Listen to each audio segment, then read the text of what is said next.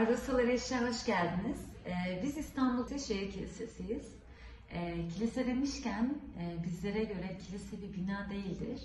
Ee, insanlardan oluşur ve yani kilise bizleriz şu anda. Bu Biz kilise olarak, Şehir Kilisesi olarak e, seri seri ilerliyoruz konulara. Ve şu anki serimiz İsa ve Peygamberler. E, biliyorsunuz ki şu anda Noel ayı içerisindeyiz ve bizim için aslında diğer aylara nazaran e, bu ay daha anlamlı ve derin hissediyoruz. E, bugün e, ruhsal arayışımızda ezeli ve gelecek kral konusunu işleyeceğiz. Hep beraber bakalım, bekleyelim ve yüreklerimizi açalım. Bugün bizi nasıl konular bekliyor bakalım. Herkese merhaba. Bugün pazar metnini sizlerle ben paylaşacağım. Mika 5 1-6 Ey ordular kızı! Şimdi ordularını topla. Çevremizi sardılar. İsrail'in hakiminin yanağına değnekle vuracaklar. Ama sen Yahuda aileleri arasında bulunmak için küçük olan ey Betlehem Efrata! İsrail üstüne hükümdar olacak olan senden çıkacak. Ve onun çıkışı eski vakitten ezeli günlerdendir. Bundan ötürü doğuran kadının doğuracağı vakte kadar onları ele verecek. Ve kardeşlerinin arta kalanları İsrailoğullarına dönecekler. O duracak ve Rabbin gücüyle Allah'ı Rabbin görkemli adına sürüsüne çobanlık edecek. Halk güvenlik içinde yaşayacak. Çünkü bütün dünya onun büyüklüğünü kabul edecek. Ve o adam selametimiz olacak. Asurlular ülkemize gelip kalelerimize yürüyünce onlara karşı yedi çoban ve sekiz önder çıkaracağız. Asur ve Nemrut'un topraklarını kılıçla çobanlık edecekler. Ülkemize saldırıp sınırlarımızdan içeri girecek olan Asurlulardan o adam bizi kurtaracak. Merhaba ve hoş geldiniz değerli arkadaşlarımız. Ruhsal arayışımıza devam ediyoruz. Serimiz İsa ve Peygamberler ve bu seriye neden bakıyoruz?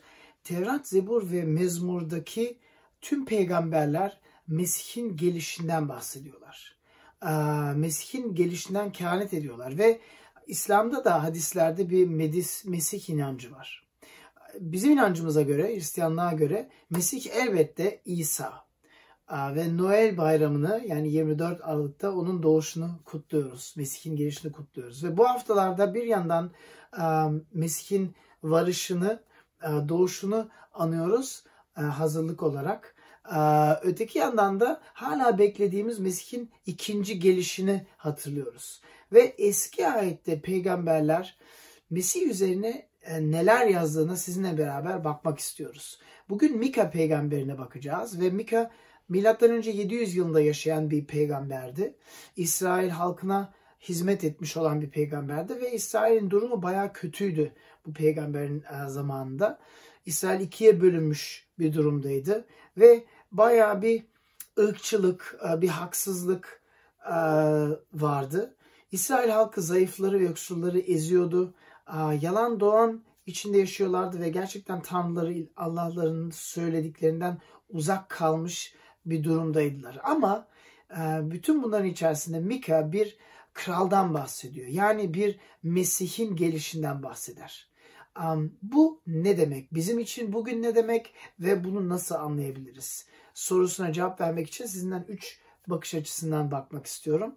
Birincisi ezeli kral, ikincisi gelecek olan kral ve üçüncüsü onu kral yapmak. Ezeli kral, gelecek olan kral ve onu kral yapmak. Bakın metine baktığınızda birkaç ilginç şeylere dikkatinizi çekmek istiyorum. İkinci ve üçüncü ayete baktığınızda İsrail üzerine hükümdar olacak kişiden bahsediyor. Ve bu kişi hükümdar olacak kişi elbette bir kral olduğunu e, tahmin edebiliriz. Çünkü çok yaygındı o zamanlarda ve İsrail'in birkaç tane kralı olmuştu. E, bunu alışıktılar. Öteki yandan e, bu kral eski vakitten yani ezeli günlerden olan bir kral e, diye bahsediyor ve aynı zamanda ama e, Betlehem'den çıkacak, e, doğacak olan bir kraldan bahsediyor. Yani bir yandan geçmiş, öteki yandan gelecek. Ve bunu kafamızda nasıl birleştirebiliriz? Aslında bir çelişki.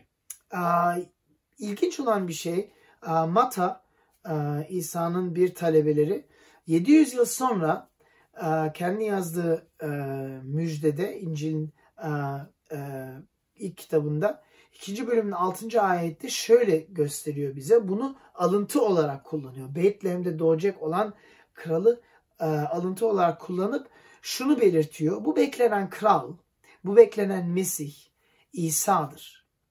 Peki bu nasıl mümkün? Hala anlamaya çalışınca bu hem geçmişten hem ezeli günlerden olan hem de gelecekte doğ, doğmuş olan bir kralı anlamak için e, Yuhanna müjdesine gidersek Yuhanna da İsa'nın bir talebeleriydi. Onun birinci bölümünde şöyle açıklıyor. Diyor ki başlangıçta söz vardı. Söz Tanrı ile birlikteydi ve söz Tanrı'ydı. Başlangıçta o Tanrı ile birlikteydi. Her şey onun aracılığıyla var oldu ve var olan hiçbir şey onsuz olmadı. Söz insan olup aramızda yaşadı. Onun yüceliğini gördük.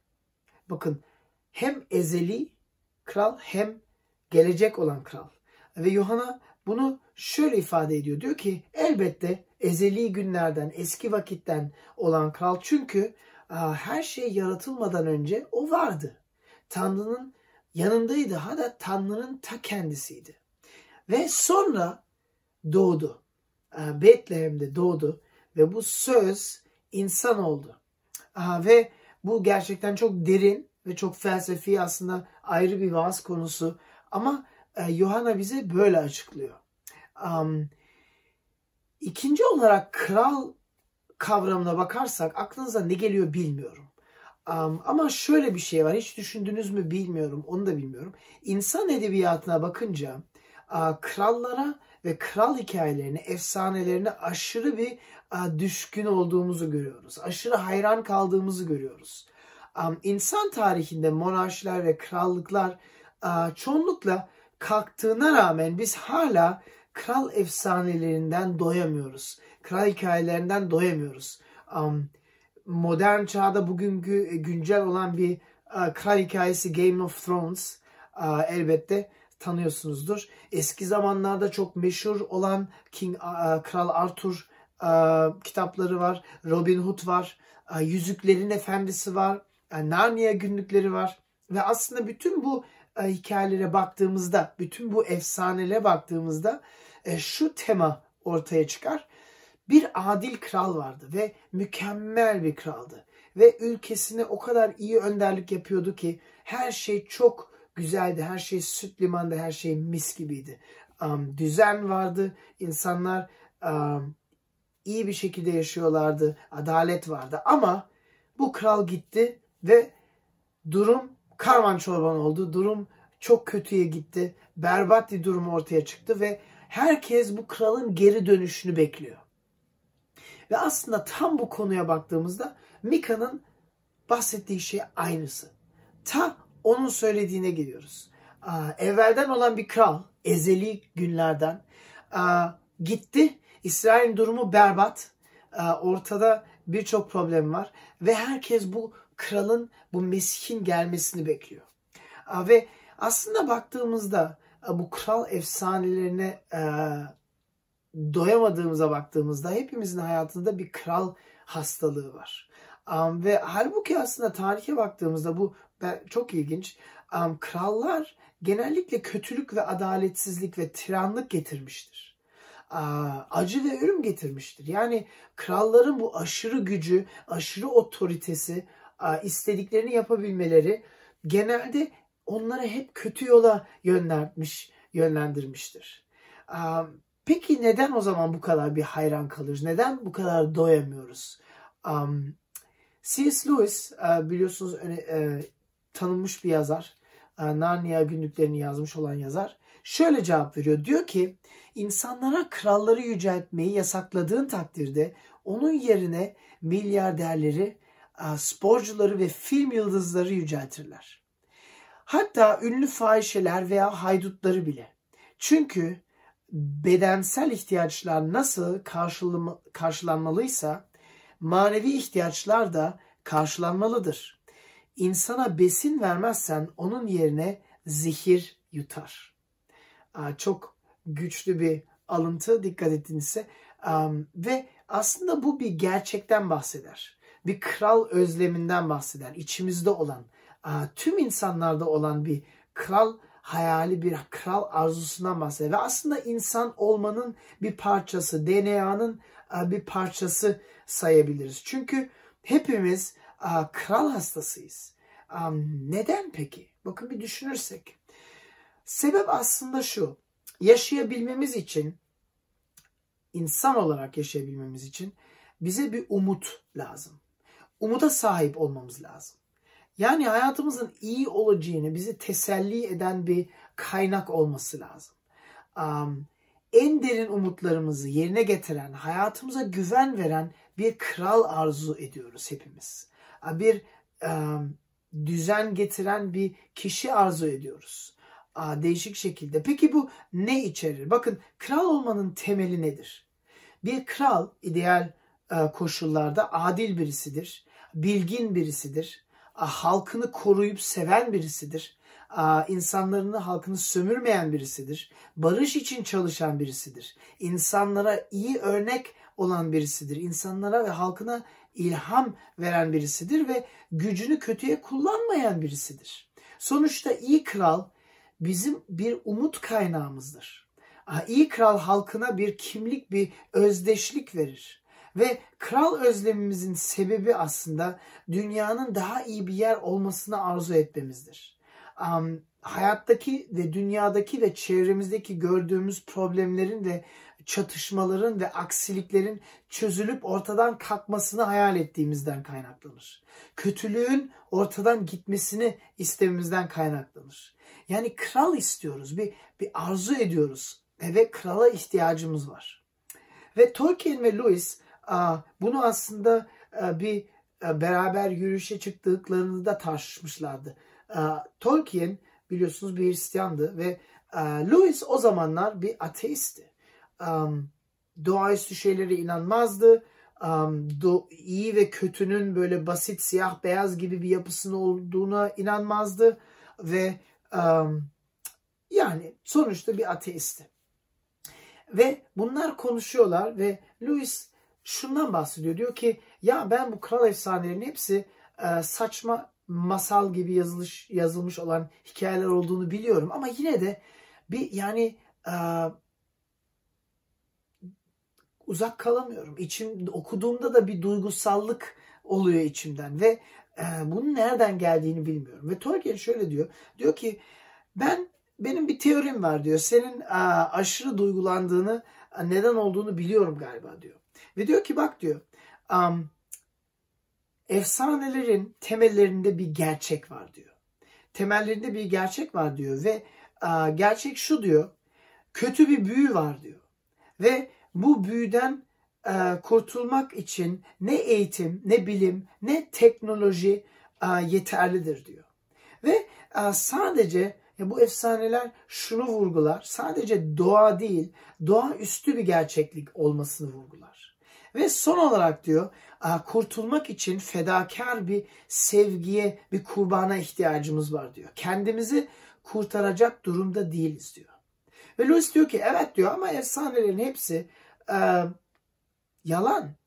Yani e, güzel yazılmış yalanlar ama hepsi yalan. Yani gerçek tarihte geçmiş olan değil. Ve Tolkien diyor Dur bir saniye diyor. Ben senden bir efsane paylaşayım ve bu efsane değil gerçekten olmuş bir şey diyor. Düşün diyor. Dünya kötü bir büyü altında diyor. İnsanlar kötü bir büyü altında diyor. Ve Tanrı'nın, Rabbin, Allah'ın ta kendisi bunlara e, yardım etmek için kendi oğlunu gönderiyor diyor. Öyle gönderiyor ki diyor bir gün dünyaya doğuyor diyor. Bir ahırda doğuyor diyor ve fakir bir ailede büyüyor diyor. Ve hayat boyunca sadece iyilik yapıyor, sadece yardım ediyor, sadece insanlara hizmet ediyor, onlara doğru yolu gösteriyor, doğru yolların yürümesine yardımcı oluyor, mucizeler yapıyor, hastalıkları iyileştiriyor ve bir ton şey yapıyor.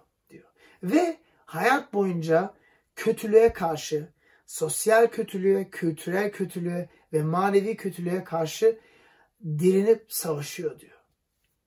En sonunda sanki galip olduğu gibi bir durum meydana geliyor diyor. Çarmıhta ölüyor diyor.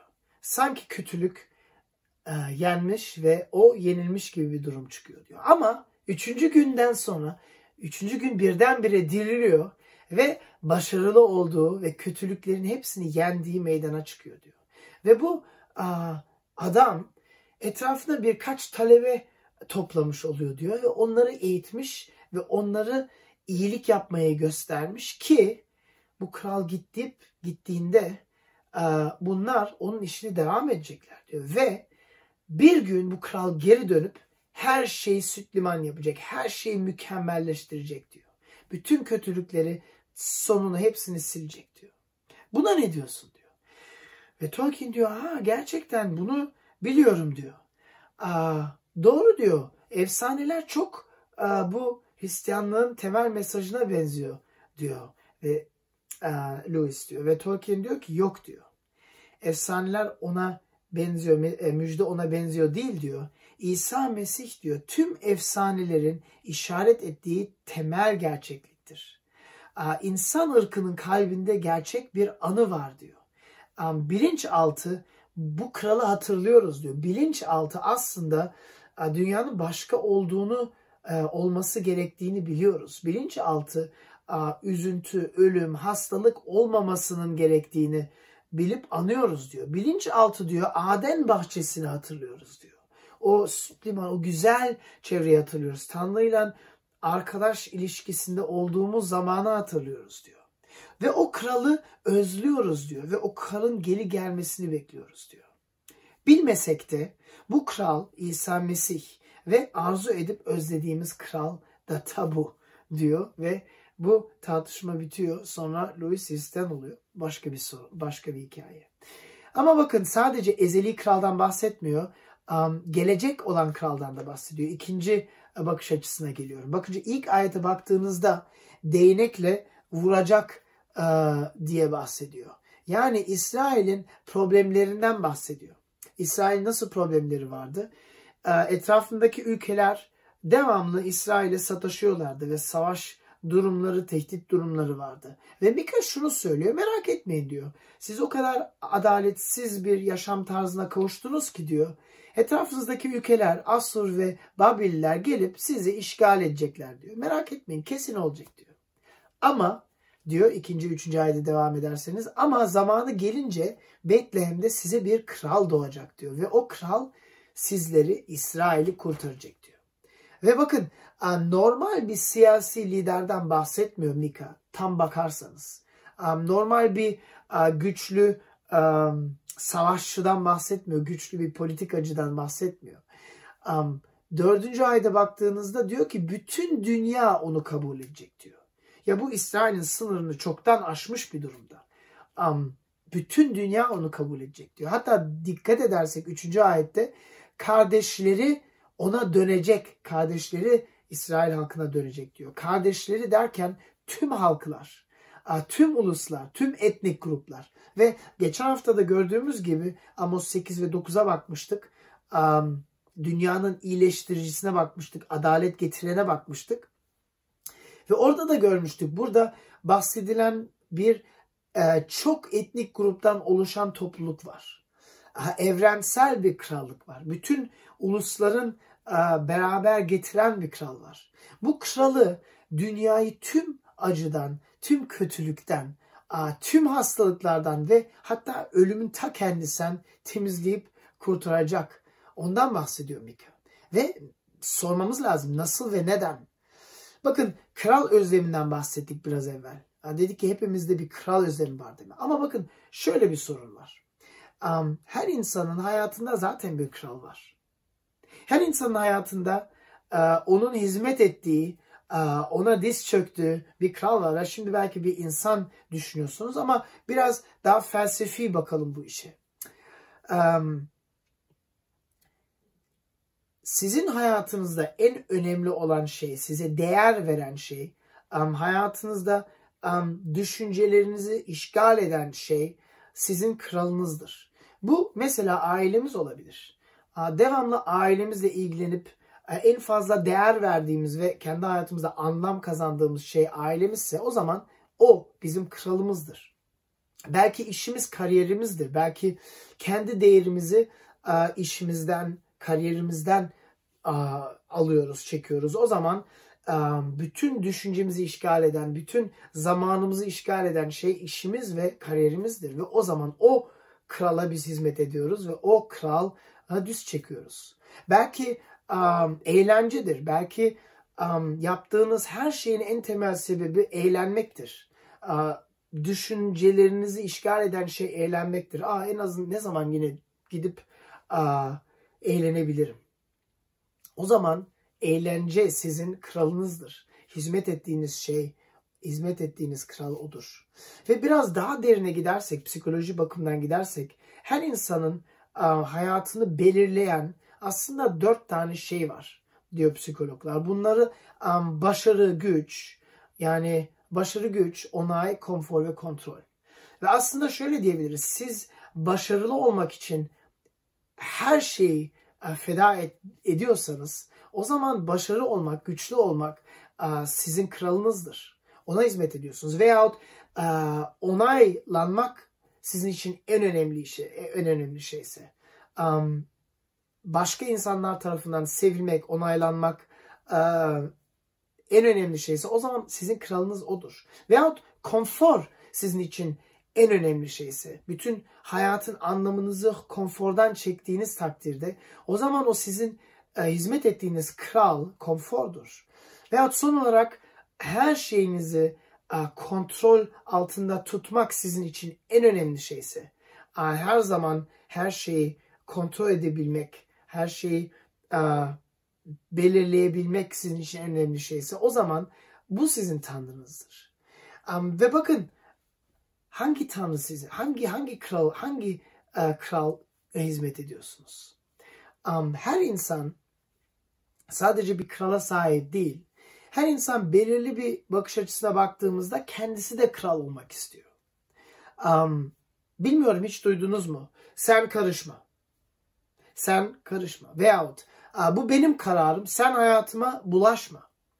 Bakın belki bunu duydunuz. Belki hatta kendiniz buna benzer bir şey söylediğiniz hatırlıyorsunuzdur. Bizim hayatımızda otonom olmak, özgür olmak çok önem alabilir. Kral olmak anlamına gelebilir bu aslında. Ve bundan dolayı aslında dünyayı berbat bir yer kılıyoruz hepimiz. Um, çünkü hepimiz dünyanın merkezinde olmak istiyoruz. Hepimiz her şeyi kontrol altında, her şeyi e, belirlemek istiyoruz. Her şey e, istediğimiz gibi gitsin diye duyuyoruz. Düşünün um, evrende herkes, her her gezegen güneş olmak istese e, o düzen nasıl bozulur? E, çünkü sadece bir güneş var ve bütün gezegenler güneşin etrafında e, dönüyor bildiğiniz gibi. Ve biraz bu hayatımızda da öyle. Um, Thomas Nagel e, meşhur bir ateist yazarı ve 1950 senelerinde e, Son Söz e, kitabını yazdı. Okumadığınızsa tavsiye ederim. Çok iyi bir kitap ve şöyle diyor. Etrafıma baktığımda diyor insanlarda evrensel bir otorite sorunu görüyorum diyor. Ve açıklıyor diyor ki ben sadece Tanrı'ya inanmıyorum değil diyor. Ben sadece bir Allah'a bir dine inanmıyorum değil. Ben Tanrı'ya Allah'a inanmak istemiyorum diyor evrenin öyle bir yer olduğunu inanmak istemiyorum diyor. Karşı çıkıyorum diyor. Ve a, bunun sebebi diyor a, içimde ve etrafımda gördüğüm insanların içinde olan bir evrensel otorite sorunu diyor. Ve aslında biz de Thomas Nagel gibiyiz. Biz de um, ateistsek zaten doğru ve yanlışı kabul etmiyoruz. Diyoruz biz doğru ve yanlışı kendimiz belirleriz bana göre, kendi kafama göre yaparım diyoruz. Ve um, Allah'a inansak bile ve Allah'a inanıyoruz desek bile yine de hayatımıza derince bir baktığımızda eminim ki kendi kafamıza göre hareket ettiğimiz meydana çıkıyordur. Otoriteden nefret ediyoruz genelde insan olarak. Özgür olma hayalindeyiz ve maalesef bu özgür olma peşinde olmamız tam tersini yol açıyor. Bağımlılığa yol açıyor. E, bizi bağımlı bırakıyor. Bizi çok kötü yerlere götürüyor. Ve bu kralın gelmesi, bu gelecekteki kralın gelmesinin bir sebebi budur. Bu kral bizi kendimizden kurtarmaya geliyor. Örnek bir balık düşünün bakın. Başka bir şekilde anlatayım. Bir balığı sudan tutup yere koyduğunuzda ne yapar? Direnir, çırpar ve yani yavaş yavaş ölür değil mi? Çünkü balık su için yaratılmıştır. Suya koyduğunuzda coşar ve tam potansiyelini geliştirebilir, gerçekleştirebilir. Başka bir örnek alayım. Bir tohum aldığınızda, o tohumu bir taşın üzerine koyduğunuzda, güneşin üzerine parladığında bu tohum ölür. Ama tohumu yerin içine diktiğinizde bu tohum büyür ve bütün potansiyelini gösterebilir. Peki insan ırkına geldiğimizde, bakın insanı Allah yarattıysa kendisi için yaratmıştır. Bunu biliyoruz ve insan Tanrı'nın suretinde yarattığını okuyoruz, yaratıldığını okuyoruz. Allah insanı yarattıysa kendisi için yaratmıştır. Um, ezeli bir kral bizleri yarattıysa o zaman kendi egemenliği için bizleri yaratmıştır. Ve bizler kendi kralımız olmamız için e, otorite hayranı olduğu o otorite sorunu yaşamamız için yaratmış değildir. Um, kendi kafamıza göre uh, yaşamak için yaratmamış değildir. Ve bunu anlamadıkça aslında o kum üzerinde direnen balık gibi oluruz. Devamlı acı çekeriz, devamlı huzursuzluk içinde yaşarız ve neden öyle olduğunu bilemeyiz. Çünkü biz e, o e, yeryüzü için yaratılmış değiliz ki biz e, su için yaratılmışız. Biz Tanrı'nın egemenliğin içinde yaşamaya yaratılmışız. Ve Mesih'in egemenliği için yaratılmış olmamız ne demek? Tam potansiyelimizi orada gerçekleştirebilmemiz demektir. Tam potansiyelimize orada ulaşabilmemiz demektir. Peki bu nasıl olabilir? Um, son bakış açısına geliyorum. Onu kral yapmak. Bakın İsa Mesih ezeli kral dedik. Ve İsa Mesih gelecek olan kral dedik. Bu doğruysa o zaman hazır olmanın zamanı şimdi. Çünkü bu kral geri döndüğünde geç olacak. Bu kral geri döndüğünde fırsat kaçmış olacak. Şimdi onu hayatımızın kralı yapmamız gerek. Şimdi bunlar doğru mu yanlış mı diye düşünüp bir karara varmamız gerek. Peki nasıl yapabiliriz? Onu nasıl kral yapabiliriz? Size dört yoldan, dört yoldan bahsetmek istiyorum.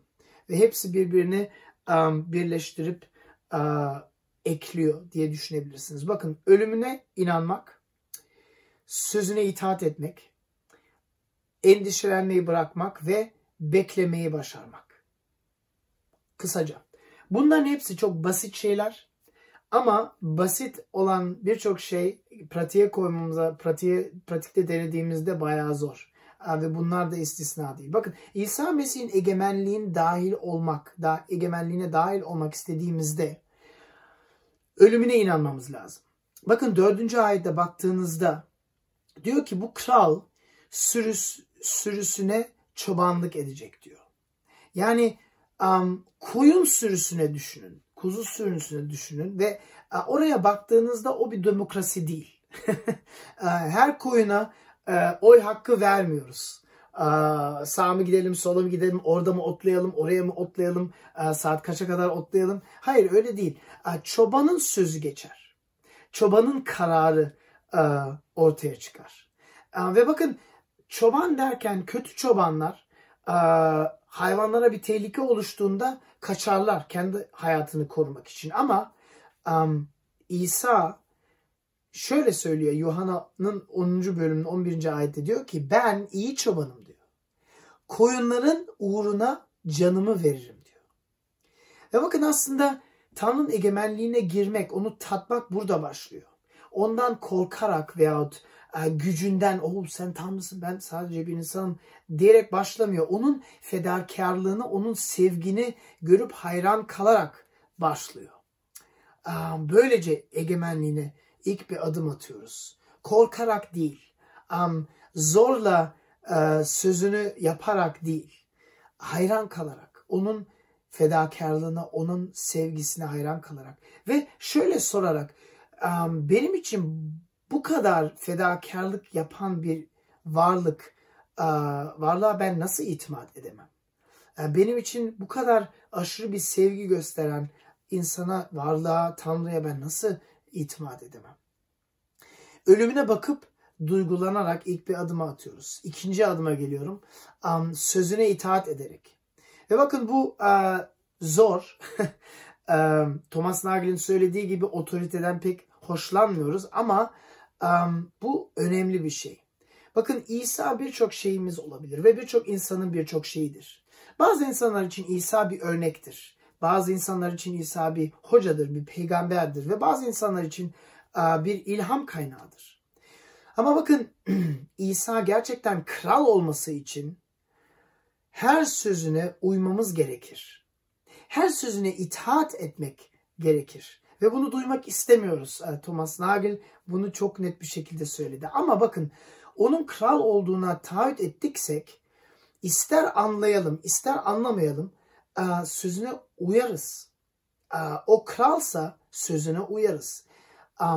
Sadece işime gelince uyarız bir durum varsa, sadece işime gelince sözüne uyarım diye bir durum varsa, o zaman ben kralım ve o değil. Ve bakın birçok zaman şöyle bir durumlar oluşuyor. Belki İncil'de bir şey okuyoruz ve diyoruz ki bu burada böyle yazmıyor mu? Evet evet öyle yazıyor ama valla vicdanım böyle yaparsam hiç rahat değil. um, İsa vicdanımın rahat olmasını ister. Onun için ben bunu yapmıyorum. Bakın o zaman hissiyatınız kral oluyor. İsa kral olmuyor. Veyahut şöyle bir şey var. İncil'den bir şeyler okuyorsunuz, bölümler okuyorsunuz. Ama sonuçta ayet seç ayet seçip beğeniyorsunuz. Ha bunu beğeniyorum, buna uyuyorum. Ha bunu beğenmiyorum, bunu uymuyorum.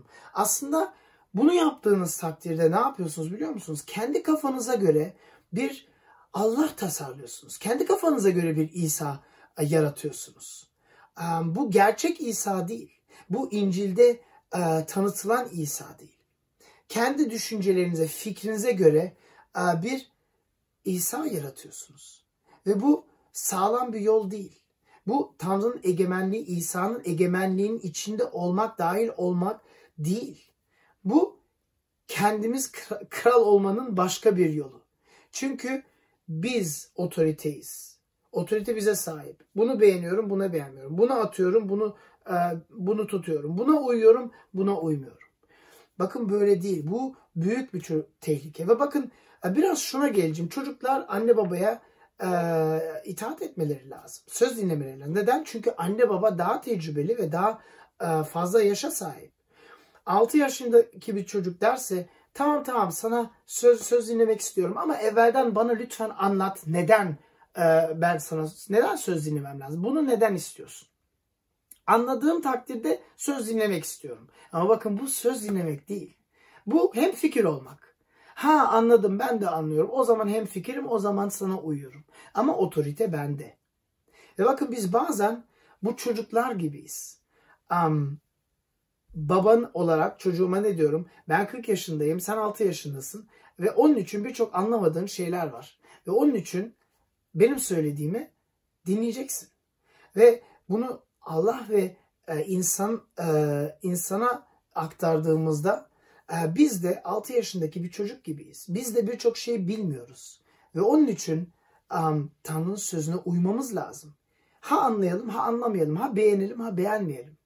Ki birçok zaman seneler geçtikçe anlıyoruz ve um, daha yetkinleştiğimiz derecede onun da görüş açısına uh, uyum sağlıyoruz.